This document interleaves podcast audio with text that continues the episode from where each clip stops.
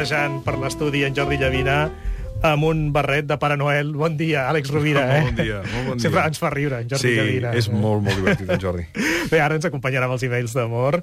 En l'Àlex Rovira ha col·laborat, ha participat en el llibre de la Marató d'aquest any, parlant de, del càncer. En un dels capítols és, és d'ell, del nostre amic Àlex. L'actitud davant del càncer és el tema que ens ha ocupat avui, com no pot ser d'una altra manera, a l'Ofici de Viure, amb dos psiconcòlegs, l'ara i l'aquí, que és l'essència del zen. Què hi té dir l'Àlex Rovira? Si hem de lligar l'aquí i l'ara amb la malaltia, podríem dir um, quelcom que ha estat molt dit, no només en el zen, sinó en el budisme, i és que el futur i el passat són les seus on rau la malaltia.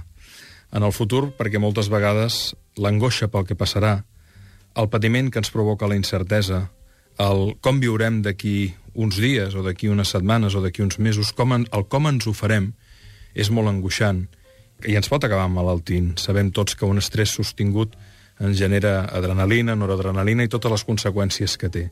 En el passat, moltes vegades, la malaltia també hi rau. Per què? Pel record del problema que no es va resoldre, pel secret guardat que ens fa mal, per allò que volíem haver dit i no vàrem dir, per allò que volíem fer i no vàrem fer. I moltes vegades la culpa, el estar barrinant contínuament sobre allò que ja ha passat però que no hem superat, també ens pot emmalaltir. En el present, no ens preocupem, ens ocupem.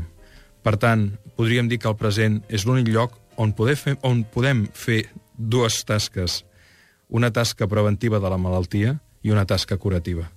Per tant, intentava lligar aquests dos conceptes, no? situem-nos en l'aquí i en l'ara, que és on realment podem ser efectius i deixem-nos de preocupacions pel futur, ocupem-nos en el present i deixem-nos de records tòxics del passat, mirem de resoldre'ls o de tancar els dols, si cal demanant ajut, per poder tirar endavant.